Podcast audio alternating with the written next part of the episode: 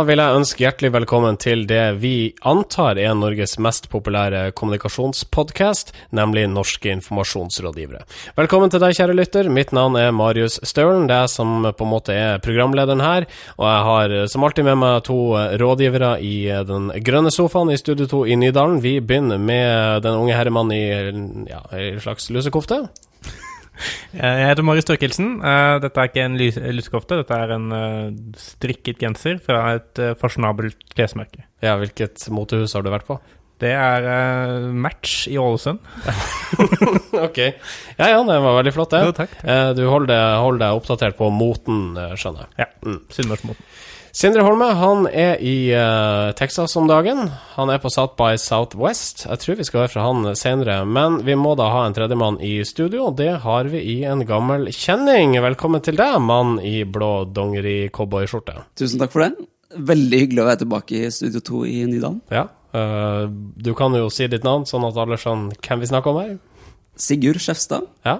Jobber som rådgiver i Los og Co. Ja vel. Som da er et eh, kommunikasjonsmarketingsbyrå på Vippetangen. Riktig. Hva skjer i Losoco om dagen? Der skjer det veldig mye. Uh, var faktisk uh, torsdag kveld på Unnskyld, onsdag kveld på utdeling av Årets markedsfører 2012. Ja, uh, et interessant arrangement der vi var sammen med en av våre kunder, OneCall, mm -hmm. som var nominert, men da ikke vant. Mm. Men sikkert en hederlig pallplassering. Kondolerer.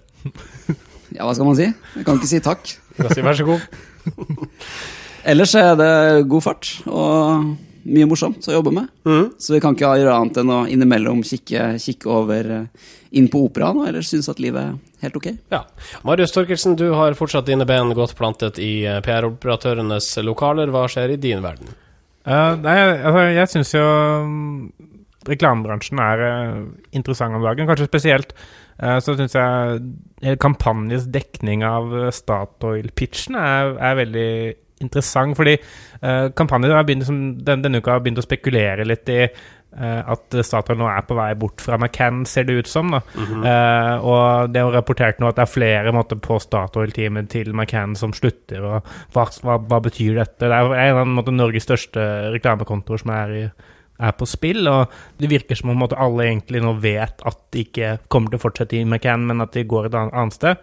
Eh, men det er egentlig ingen som kan si det ennå, for det er sikkert noen formalier som måtte skal godkjennes og sånn. Eh, det er bare interessant at både bransjemediene tar seg tid til å spekulere i dette og trekke linjene fra folk som slutter, til at nå skjer det ting. Dette er kommunikasjonsbransjen altså Dette er sånn et skikkelig drama for oss som, som jobber innen kommunikasjon. I sånn måte så er vi glad at vi har ei veldig targeta målgruppe for denne podkasten. Ja, og så snakka jeg med foreldrene mine litt om det, og de bare ja, sånn, hva noen andre kommer til å lage reklamefilm til Statoil? Altså, ja, ja, men vet du ikke, skjønner ikke hva dette ja, Skjønner du ikke ringvirkningene av dette? Ja, men Må de ha, ha reklamefilmer, da?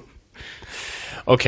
Uh, vi skal i dagens sending blant annet få høre om utroskap som PR-grep. Yes, vi skal til en ung uh, kulturminister som har hatt sin første opptreden uh, i spørretimen. Altså? Og vi skal få høre om TV 2s eh, indignasjon over at en reklamefilm faktisk kan koste penger, selv om skuespillerne ikke tar betalt. Riktig. Dette høres alt veldig så interessant ut. Vi sparker i gang NIR episode 23. Norske informasjonsrådgivere. Vi skal til eh, Løvebakken igjen. For en tid tilbake så fikk eh, kulturminister Hadia Tajik eh, tyn av ymse opponenter fra opposisjonen i VG for ikke å ha deltatt i den muntlige spørretimen på Stortinget. For noen dager siden så hadde kulturministeren sin debut, og for en debut. Ja, hun fikk jo til og med terningkast fem av eh, TV 2s politiske kommentator Svein Kåre Kristiansen, mm. som mente hun gjorde en god figur. Hun var offensiv og full av ungdommelig pågangsmot, det kanskje var ordene han brukte. uh, det var interessant, fordi det er jo han uh, Olemic, eller Olemic Thommessen fra Høyre, eh, som, har, eh, måtte, som, sendte dette brevet til Jens Stoltenberg og, og Hadia Tajik i, i februar, tror jeg, hvor han eh, påpekte at hun var den eneste av måtte, statsrådene hans som ikke har møtt til en spørretime ennå, mm. og hvorfor det var sånn. Eh, hvor vel Tajik svarte at ja, det er fordi ingen har bedt meg om å stille ennå. Altså, jeg skal ikke bare møte opp og håpe at jeg blir spurt. VG skrev jo da uh, i VG pluss, altså jeg får ikke lest saken, for jeg gidder ikke å betale for de greiene. Uh, da skrev de det at Tajik skjermes fra spørretimen. Ja, men hun sa da at bare send meg en forespørsel, så møter jeg opp. Og det gjorde hun altså denne uken. Og, og snakket bl.a. om noe som vi syns er interessant, nemlig moms og, og medie. Ja. Til tross for at det høres dørgende kjedelig ut, så er det ganske spennende. Spørsmålet her går jo nå når stadig flere aviser um, ser at flaggskipet papiravisa ikke er det som kommer til å sikre pensjonen. Derimot må man begynne å ta betalt digitalt. Så ønsker man også en lavere moms på det digitale. Sånn som det er i dag, så er det jo nullmoms på, på papir og normalmoms på det digitale. Eh, veldig mange medieledere har jo tatt til orde for å få en nullmoms også på digitalt. Eh, det er vel egentlig ganske urealistisk. Så et alternativ det har blitt snakk om, er jo å ha en, eh, en lavere fellessats. Moms både på papir og på digitalt. Men vil ikke det også slå svært negativt ut for papiravisene, som allerede sliter maks i motvind? Jo, men samtidig så er det noe med at uh, uansett så må alle etter hvert gå over på digitalt. For det er ingen som tjener gode penger lenger på papir, på papiravisen. Eller ikke nok til å, til å, finansiere alt man holder på med. Og så derfor, i stedet for kanskje å holde kunstig i live, noe som snart senere skal, skal begraves likevel, så er det bedre kanskje å ta noen virkelige grep for å, for å gjøre en skikkelig forandring når man først har en mulighet. Uh, det var interessant også fordi eh, Mens de måtte diskuterte den digitaliseringen av, av mediene, så hadde uh, Tajik et sitat hvor sånn, sånn som at uh, for andre så er kanskje denne omleggingen veldig sånn ny altså en slags form for nybrottsarbeid og, og, veldig annerledes enn sånn det har vært. Eh, men jeg som måte er en form for digital native, eh, jeg syns ikke dette er så spesielt, i motsetning til, som, til dere som er in, eh, digitale innflyttere, eh, og som kanskje oppfatter dette som, eh, måte, en stor endring. Eh, hun plasserte seg altså ganske tydelig som at den liksom, mer unge, fremadstormende, altså politikeren, i dette spørsmålet. Klart, Det er jo helt tatt rollen til en kulturminister. Det er jo alltid prøveposten i regjeringa man skal komme inn og mene om tilsynelatende ufarlige ting, og så groomes da for, eh, for, eh, større og viktigere oppgaver. Ja, det var altså dommen egentlig til Svein Kåre Kristiansen, at uh, hvis han skal basere det på denne spørretimen, så fantes ingen grenser for hva Hadia Tajik kunne oppnå i Arbeiderpartiet i fremtiden. Nei, men det var jo veldig hyggelige ord fra mannen som vi andre liker å kalle for Stein Kåre Kristiansen, selv om Marius her i, i NIR-studio insisterer på noe annet. Svein. ja, nå har jeg også brukt all tid på å lære meg å si Olemic Thommessen og Hadia Tajik. Eh, så Si Hadia Tajik. Hadia Tajik. Må si litt fort. Ja. Nei, det var meget, meget godt, uh, godt forsvar for det, men uh, den godeste Stein Kåre Kristiansen fikk jo selv en terningkast to av Erik Solheim i hans biografi. Altså blant uh, en kåring av blant politiske kommentatorer. Mm -hmm. Så et terningkast fra han er egentlig verdt en to og en halv eller noe sånt? Jeg tror i hvert fall du kan gange det med mer enn én. Ja. Så hvor er det vi egentlig skal med denne diskusjonen? Det lurer jeg på nå. For hittil så har jeg ikke funnet noe vi kan gi tommelen opp eller tommelen ned for. Nei, men det er bare interessant sånn mediemessig at uh, en relativt kjedelig aktivitet som faktisk deltakelse i spørretimen er, eh, blir omtalt på en måte, som såpass stort fordi nettopp hadde Tajik har vært litt sånn eh, Fordi Hadia Tajik har vært litt fraværende og gjort seg til litt sånn utilgjengelig eh, overfor det, den type forum. da. Eh, og det er en måte, Hvis du da ikke stiller opp på alt mulig rart hele tiden, så er det faktisk litt mer interessant når du faktisk åpner munnen, og det er en PR-lekse. I tillegg var det jo et tema som angikk media, og da er det alltid mer interessant å skrive om det selv. Ja. ja. Så tommel opp eller tommel ned for Haja Tajik? Tommel opp. Tommel opp. Vi skal til vår egen bransje og noen kanskje litt sånn alarmerende funn i en ny spørreundersøkelse. Halvparten av de ansatte innen kommunikasjon og markedsføring ønsker å bytte jobb i løpet av året. Det viser undersøkelsen Kommunikatøren, som rekrutteringsbyrået Hammer og Hamburg har gjennomført. 1063 personer er spurt, det melder Finansavisa. Ja, eh, kommunikatøren har jo etter hvert blitt en, en årlig begivenhet. Eh, Eh, og det kommer, det er tall som er interessante for oss, eh, fordi det, det spørres bare personer som jobber med informasjon, kommunikasjon og markedsføring. Eh, selv er jeg kanskje ikke så veldig overraska over at såpass mange oppgir, oppgir, det. For det første så er jeg veldig enig med, med Trine Larsen i Hammer og Hamburg, om at, som, som, da sier i dag at mye av grunnen kan skyldes at man har et stort behov for faglig utvikling. Eh, og at man dermed på en måte vil drives litt av hvor kan man lære mer. Mm -hmm. Og Det syns jeg er en viktig egenskap eh, for personer i dette yrket. Men er det realistisk å tro at det kan tilskrives årsaken til at halvparten av oss faktisk vurderer å bytte jobb? Nei, det tror jeg ikke. Men jeg tror også det er litt sånn som med veldig mange spørreundersøkelser. At du svarer litt det du, det du kanskje skulle ønske at du, du mente. Eller at du, det du tror kan bli aktuelt. Uh -huh. Så jeg tror mange på en måte har lyst til å, til å svare litt som at de er litt, litt on the move og litt i, i bevegelse, også karrieremessig. Og at tallet derfor kanskje blir høyere enn det som faktisk sånn som det kommer til å bli. da. Ja, for det, det er et godt poeng. Også sånn, I den bransjen, kanskje spesielt byrådelen av bransjen, er det å være litt sånn i bevegelse, ikke grodd fast, også et tegn på at du måtte er dynamisk og attraktiv og nettopp ute etter det som omtales som faglig utvikling. da. Uh, og jeg har tatt undersøkelsen selv. Jeg husker spørsmålet er noe sånn hva er sannsynligheten, eller tror du at du kommer til å bytte jobb innen det kommende året? Og sånn ja, kan, eller svært sannsynlig, eller svært usannsynlig, et eller annet sånt. Er jo, altså, Man vet jo aldri hvor man er i løpet av et år, så det er jo sikkert få som måte, faktisk kan utelukke det helt.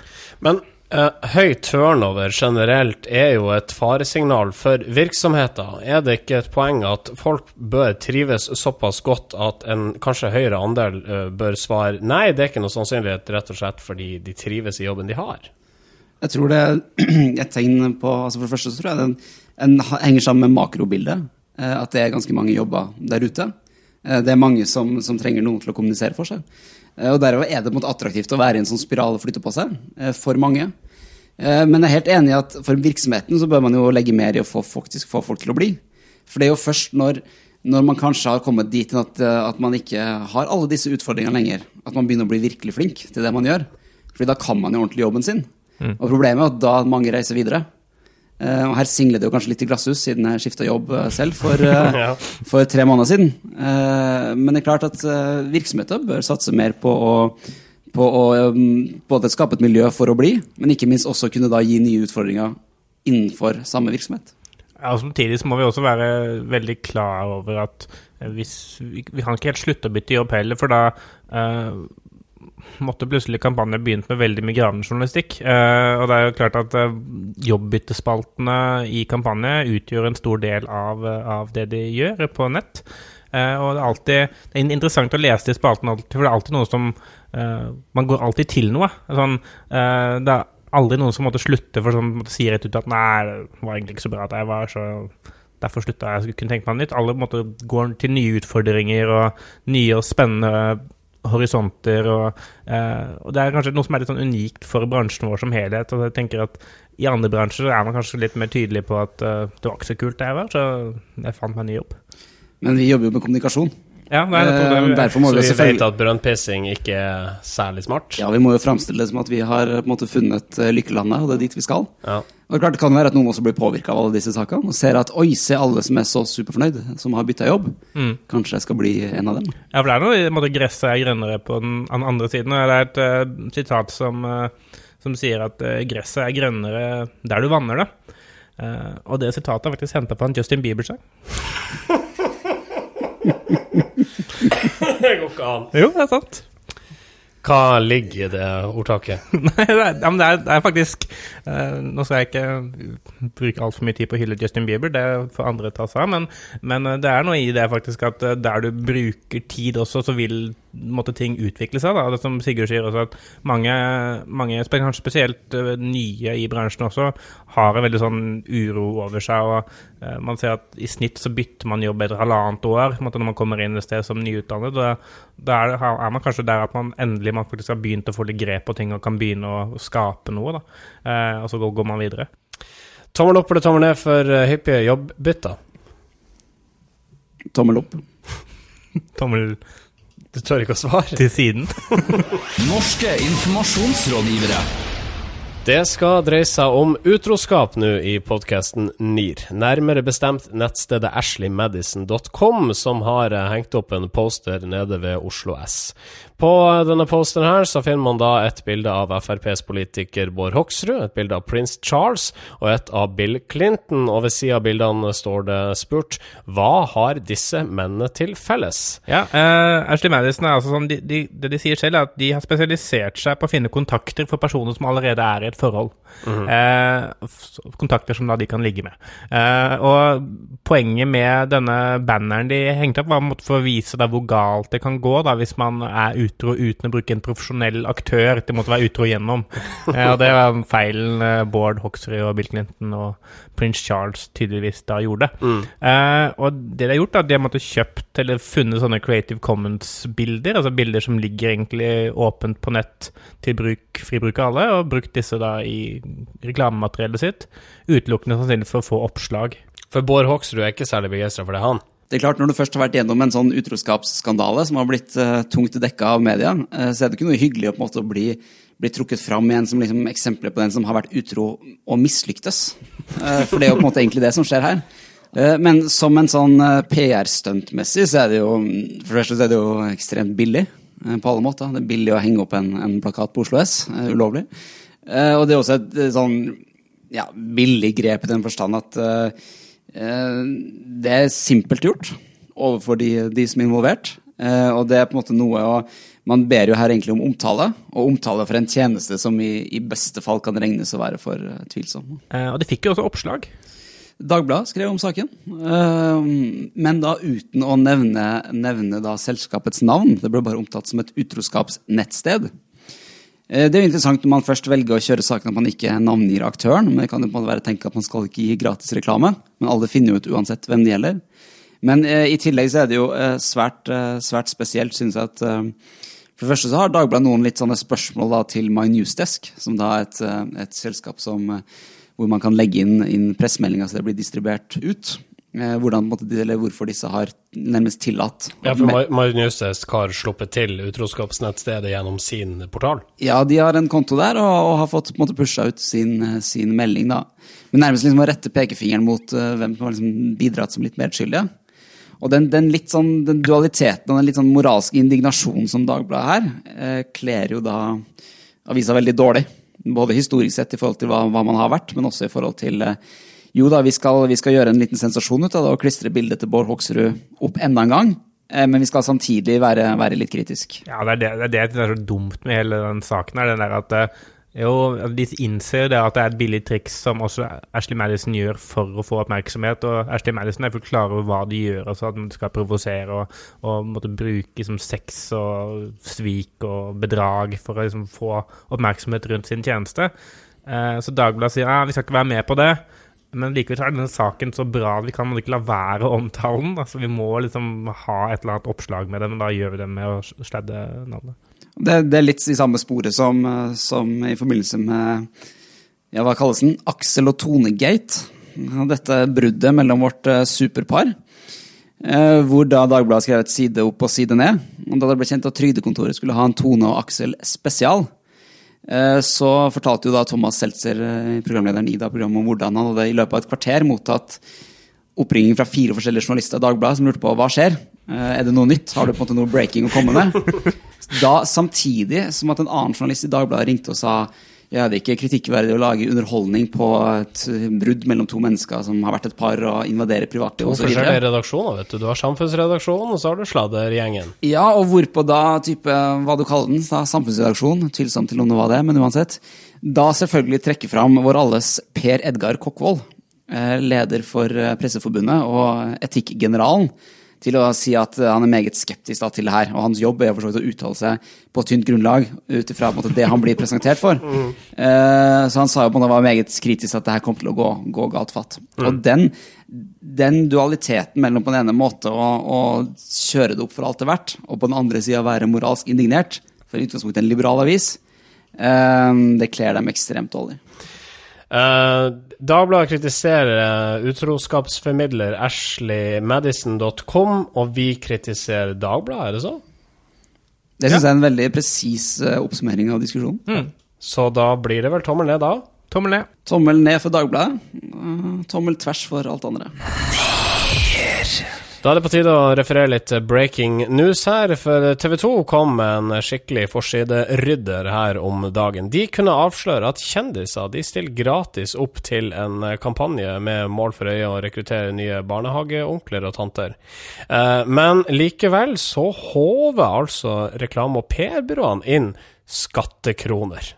Ja, det stemmer. TV 2 kunne avsløre at den nyeste kampanjen for Kunnskapsdepartementet den har kostet flerfoldige skattekroner. Eh, og samtidig så har eh, Erik Thorstvedt måttet stille opp gratis. Han har ikke sett noen av disse pengene. Det er eh, Try, Gelmøyden Kise og Apt som sammen måtte ha håvet inn disse pengene. Og det virker som om eh, TV 2 har kjørt denne saken med vinklingen Erik Thorstvedt jobber gratis, PR-byrået tjener masse penger. Mm. Eh, litt fordi Erik Thorstvedt er jo TV 2-ansatt, og kanskje ikke de har så lyst til å betale han de heller. Det var interessant. Mm. Veldig interessant perspektiv på saken. Eh, jeg la jo først merke til at det som, som alltid er at hver gang det er snakk om, snakk om offentlige, offentlige, etater og, og PR-byrå og reklamebyrå, så bruker man jo alltid begrepet skattekrona, eh, som om det er noe annet som betales ut fra, fra departement eller direktorat. Eh, og i tillegg håver inn. Det er jo på en måte en klassiker. Mm. Det er jo sånn at, og Der kan jo jeg fortelle mye om, for jeg har jo et langt liv i reklamebransjen nå bak meg. Tre måneder. Det koster faktisk penger å produsere filmer. Det er ganske mange som skal ha betalt. Det er ganske mange som er til stede på et filmsett. Alt ifra folk som skal passe på at de har god og riktig sminke, til at man skal eh, holde et stativ til en uh, lyskaster osv. Folk skal ha betalt, folk skal ha betalt for ideen. Og det da at noen kjendiser sier fra seg sitt honorar, det bidrar ikke fryktelig mye til, til totalen. Nei, og, det er jo altså, Hvis bare filmen også hadde måttet vært uh, det som kommer ut av den kampanjen, så hadde det vært én ting, men det er jo også en stor digital del av den. Uh, GK gjør vel et eller annet PR uh, og kommunikasjon som lobbying løp, sannsynligvis. og det er klart at alle disse tingene sammen koster penger, og det er jo det er veldig sånn typisk mediegrep det å bare si at ja, men sju millioner er jo faktisk Tenk hvor mye bassengvann vi kunne fått for 7 millioner kroner, så bruker man det på reklame. Ja, ja Du kunne alltids ha fylt et basseng, ja. eller ikke minst uh, servert en ekstra potet til på sykehjemmet i, i, kommunen. Men alt kan jo ikke måles opp mot det. Da hadde vi jo f.eks. aldri vurdert å søke OL. Uh, eh, men, uh, men det, det, er en litt sånn typisk journalistvinkel at her tjener PR-folk penger. det er jo alltid, altså det er en, det er en torn i øyet for mange journalister at, å selge siden det er mange tidligere kollegaer av dem som har, fått og, som fått og gredd, som har gått og greid å tjene penger på annen måte enn å jobbe i media. Så det er en bitterhet fra journalistene fordi at deres tidligere kolleger nå tjener bedre? Ikke rent lite, og i tillegg har mindre overtid. Eh, slipper å jobbe turnus. Ja. Eh, men det mest interessante med saken er hvordan den etter hvert liksom har gått gjennom alle mulige kilder. Så avsluttet da journalisten med å skrive at søknadsfristen for å bli barnehageonkel eller tante er Og så kommer han med datoen. Mm. For øvrig 15. april. Ja. Sånn at det her som da har en kritisk vinkling i utgangspunktet, ender jo opp med å være den beste reklamen av noen for, for dette verdens fineste yrke. Mm. Eh, slik at egentlig spiller jo alle sammen på lag. Eh, og det er jo sånn det stort sett alltid ender opp. Og i så måte er jo dette her en gladsak. Ja, det er det. Det er sånn interessant at det virker som om her har man bestemt seg for en vinkling eh, når man gikk inn i saken, og så har man bare etter hvert innsett at ah, det er ikke så ille kanskje likevel. Da. Ja. Nei, og så tenker man jo til slutt på alle disse søte barna som tross alt fortjener en god barnehageonkel, selv om, eh, om reklame og PR-byrå tjener penger. Mm. Uh, Sigurd, du er tidligere journalist, du. Uh, tommel opp eller tommel ned for uh, vinklinga til TV 2 i denne saken? Jeg tror rett og slett jeg må kutte av med tommelen, ja. legge den på gulvet og hoppe på den. du, Marius? Jeg nøyer meg med en vanlig tommel ned. Nier. Dette er podkasten Norske informasjonsrådgivere, i dag med gjest Sigurd Skjefstad. Fortsatt uh, hyggelig å ha deg her. Takk for det. Uh, du er da erstatter for uh, Eller du er gjesteprogramleder for uh, anledninga da Sindre Holme, vårt tredje faste panelmedlem, er i USA. Nærmere bestemt Texas. Yes, han er på uh, South by Southwest Interactive, som er en del av den større festivalen uh, South by Southwest, som er en festival for både musikk og film og også da digitale medier og kommunikasjon. Uh, og, og siden Sindre fikk jo en, en, sweet deal med Starcom når han bytta jobb, hvor han fikk inn en klausul på at han skulle på denne messa i år. Han har altså lovet da, at han skulle snakke med noen visjonære amerikanere om ting som ikke vi helt har peiling på her i Norge ennå. Ja, for han lova det i forrige sending og sa at eh, jeg skal sende dere mye sexy lyd, og dere skal få uh, mye sånn revolutioning uh, er det det heter? Ja, revolutioning statements og, og, ways of doing things. Ja. Fra folk som vet bedre enn oss. De ja. folkene som er på Marketing 4.0 akkurat nå. Ja. ja. Uh, så det som skjer, da Vi får et intervju tilsendt uh, for noen dager siden. Uh, det er med en ganske kjent fyr. Ja, altså når man skal snakke med en om fremtiden, så uh, fins det ikke så mange som er bedre å snakke med enn Brian Solis, som for øvrig også er aktuell med en bok som heter What's the Future of Business? Der ligger det jo mye mat, tenker jeg. Brian Solis er en sånn teknologievangelist og måtte snakke mye om liksom, hvordan teknologi påvirker samfunnet og forretning spesifikt. Mm. Problemet med dette intervjuet her eh, var det at Sindre Holme, etter hva vi kan høre i alle fall, har hatt uh, mikrofonen ned i boksershortsen mens han har prata med vedkommende. Ja, Det er interessant at Sindre er liksom på verdens høyteknologiske mekka og ikke får teknologien til å fungere. ja. Uh, så for å bøte på skaden, så uh, gjør han enda et intervju. Ja, han intervjuer en uh, annen liksom fremadstormende teknologievangelist som jobber i Gambit. her i Norge? Ja, her i Norge. Han har snakka med Ingeborg Woland om, om, om, teknologi og sosiale medier og sånn. Og det er jo litt som eh, Sigurd påpekte, det, at det er litt som å gå, etter, gå over bekken etter vann. Men i dette tilfellet da over dammen. Over dammen etter. Ja. Lydkvaliteten på intervjuet to var uh, atskillig bedre enn med Brian Solis. Absolutt. Men likevel så velger vi å kjøre det uh, Solis-intervjuet med elendig lydkvalitet. Det er et så sterkt navn at vi kan ikke kaste det, syns jeg. Nei. Så her kommer litt lyd. Uh, Sindre intervjua teknologiguru Brian Solis også. Businesses are starting to adopt it. They're running to it. They're embracing it. They're jumping on things like social networks. They're they're creating apps. And what ends up happening though is that businesses are already getting caught up by reacting to businesses. Instead. So they're not proactive. Right. So they're reacting to customer experiences. Right. So when for example, if somebody tweets, if somebody writes a YouTube uh, video, somebody creates a YouTube video, somebody writes a, an online review, um, and businesses see that, then they react to it. Oh, we saw this, or we need to do something. We need to fix this. What I'm saying is, instead of reacting to it, get use technology to find what experiences that people are already sharing and having today, and get in front of that to say what experiences do we want customers to have, so that in these new touch points, we are doing the right thing and saying the right thing. Mm. Du hørte altså Brian Solis der. Uh, utrolig interessant. Hva ja. var det de snakka om?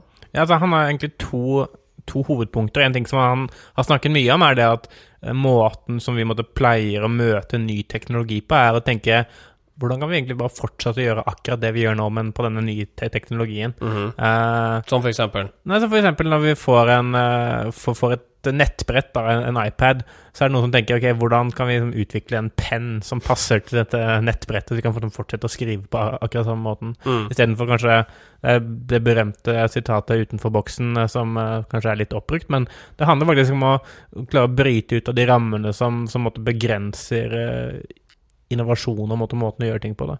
Og det andre poenget så er det at sosiale medier og hele denne big data-greia, den åpner for veldig mye innsikt. Da. Så istedenfor å sitte der og bli overraska når noen kjefter på deg på Facebook eller Twitter, så kan du bruke mye av den dataen som ligger i sosiale medier, til å faktisk lage gode brukeropplevelser i forkant, så man slipper å få kjeft. Ja. Heng med på teknologien, eller eh, stå igjen på perrongen og bukke under. Jo, da har du til og med et, eh, et, innlegg på kampanje som trykkes eh, hver uke. Ja. Sindre fikk et innlegg i kampanjen. Ja, jeg tror det kommer et til også, faktisk. Ja, så veldig spennende. Følg med på Sindre Holmøs ferd rundt omkring i verden med elendige opptaker. Og andre nordmenn. Ja. Og andre nordmenn. Og intervju med kolleger. Uh, takk til Sindre Holme, som uh, da er på plass fra og med neste uke. Tommel opp eller tommel ned for uh, det intervjuet. Tommel ned. Som gjesteprogramleder tør jeg ikke annet enn å si tommel opp. Marketing 3.0. Social business. Cloud computing. Social shopping. Begrepsforvirring. Sigurd Skjefstad, det er veldig hyggelig at du tar med deg noen tanker inn til NIR-rådet. Det har du gjort, og det har du tatt med deg til eh, spalten begrepsforvirring. Og eh, begrepet som du mener forvirrer, er rådgivende folkeavstemning. Ja, som tidligere sportsjournalist så følger jeg jo litt ekstra med på OL-debatten. Skal vi ha et OL i Norge eller ikke? Og det er jo da Oslo kommune som da rett og slett har fått en egen OL-etat, som da nå jobber med å forberede en, en mulig OL-søknad. Eh, det Nylig ble det presentert planer for hvor man skulle ha ulike anlegg osv. Og, så og man har også da tatt med at eh, man vurderer da å, å spørre Oslos befolkning om, om vi vil ha et OL. Mm. Rett og slett i en rådgivende folkeavstemning. Hva er det som forvirrer med det begrepet? Jo, i den forstand at uh, rådgivende, uh, og det her vet jeg jo, jeg er jo rådgiver selv, uh, kan jo bety hva som helst. Det kan egentlig bety ja, vi hører på hva du har å si. Det kan bety ja, vi hører på hva du har å si, men vi velger å ignorere det. Eller det kan bety nei, jeg orker ikke å høre på deg i det hele tatt.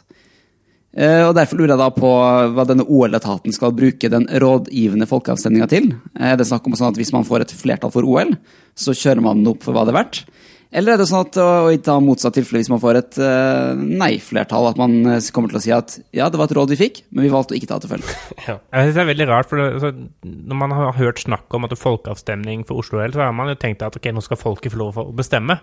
Men det er kanskje mer en sånn der forankringsjobb. da, altså Hvis eh, da folk er enige, så sier man ja, dette var det dere ville, nå har vi gjort som dere vil. Mm -hmm. Og hvis de måtte, er uenige, så er, så er, det litt mer sånn jo, men, men bare, bare, vent og se, dere. Det, det, blir nok bra uansett. Så hvis vi får ekstreme budsjettoverskridelser i forbindelse med et eventuelt OL-arrangement i Oslo, eh, hvilket vil skje dersom vi får det, eh, så kan man på en måte bare skylde på folket som stemte fram dette her i denne rådgivende folkeavstemninga.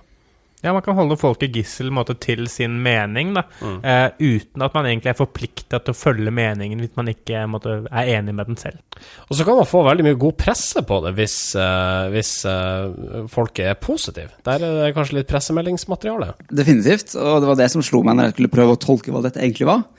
Så skjønte jeg at det måtte jo være en, en klassisk, akkurat som PR-byrå bruker undersøkelsen skal nå OL-etaten i Oslo bruke den rådgivende folkeavstemninga. Ja. For det gjennomføres jo daglig flerfoldige undersøkelser over det ganske land, utført av et eller annet meningsmålingsinstitutt på vegne av en eller annen oppdragsgiver, eh, skissert av en eller annen eh, PR-person. Eh, hvor man da rett og slett prøver å finne ut hvor mange nordmenn som bruker ditt eller datt, eller mener ditt eller datt. Og der er det jo sånn at hvis man finner noe som taler til virksomhetens fordel, mm. så kjører man det ut for alt det er verdt. Finner man ingenting, så havner da undersøkelsen i de glemte undersøkelsers eh, lukkede skrivebordsskuff. Mm. Og Det er også det som er viktig bare med å forstå om dette begrepet, er at eh, hvis man er med på denne rådgivende folkeavstemningen og måtte forvente at folket skal bli hørt, så må man bare innse at uh, egentlig så er, så er det ikke det det betyr, det er bare et, et PR-grep. Ja. Så uansett, eh, hvis man velger å delta i en slik rådgivende folkeavstemning, så skal man i alle fall vite det at man kan ikke direkte bestemme hva som skal skje her. Nei, og så er det kanskje ekstra interessant liksom på, på lokalpolitisk nivå, som jo dette er, eh, hvor det kun er folk i Oslo som får lov å stemme. Er det det? Ja, Så vidt jeg har forstått, så er det Oslos befolkning som skal måtte bestemme dette her. Og da betyr det at for da politikerne så, er, så oppleves kanskje ikke den trusselen fra måte, folkedypet som så stor uansett, da, som det gjøres kanskje på, et, på riksnivå. Og alle som, som, deltar i en sånn undersøkelse, skal vite at uh, den kommer ikke til å bli hørt. Den kommer garantert til å bli brukt i PR-sammenheng. Og mest sannsynlig så er de jo også flytta fra byen innen et eventuelt OL kommer hit, så de har overhodet ingen glede av det utover å se på TV-skjermen. Så, så ikke delta i undersøkelsen? Nei, vi oppfordrer til uh, stemmenekt. Ja. Boikott. Skal vi ta en uh, tommel opp eller tommel ned i tillegg? da? Uh, tommel opp eller tommel ned for rådgivende folkeavstemning rundt OL? Tommel ned, men det har vel sannsynligvis ikke noe å si. Som Oslo-borger tar jeg tommelen ned. som PR-reklamekommunikasjonsmann tar jeg tommelen opp. Ukas medieinnsalg. Vi skal til Vatikanet, vi, for ukas medieinnsalg går jaggu meg til Den katolske kirke. Ja, altså, Den katolske kirke syns jeg fortjener eh, en pris for eh, måten de har eh, valgt å å bygge opp spenningen rundt pavevalget på. Mm -hmm. eh, og det er jo ikke noe som måtte, de har først og fremst gjort i år for første gang. Det er, sånn, det er en tradisjon som alltid har vært sånn. Men bare dette grepet med denne pipa da, det er utrolig kult. fordi eh, det bygger opp en helt sånn enorm forventning. da, Fordi eh, alle kardinalene de skal stemme da fire ganger daglig over en viss periode, helt til de måtte faktisk har, er enige nok om hvem som skal bli det. De har to tredjedels flertall. Ja, de skriver um, hvem de stemmer på, på en lapp. Ja, og, og så inviterer de altså, da omverdenen til å følge med på måte, hvorvidt de har blitt enige gjennom å se på en pipe. Og Hvis det da kommer hvit røyk ut av den, så har de faktisk eh, da blitt enige. Og når det kommer svart røyk ut, så er, altså, er de ikke enige. Uh, og dette er, måte, det her er jo mediemat til de grader, for da kan man måtte, ha livedekning fra pipa. Hvordan farger jeg røyken? Hvordan tror du røyken kommer til å være den kommende timen?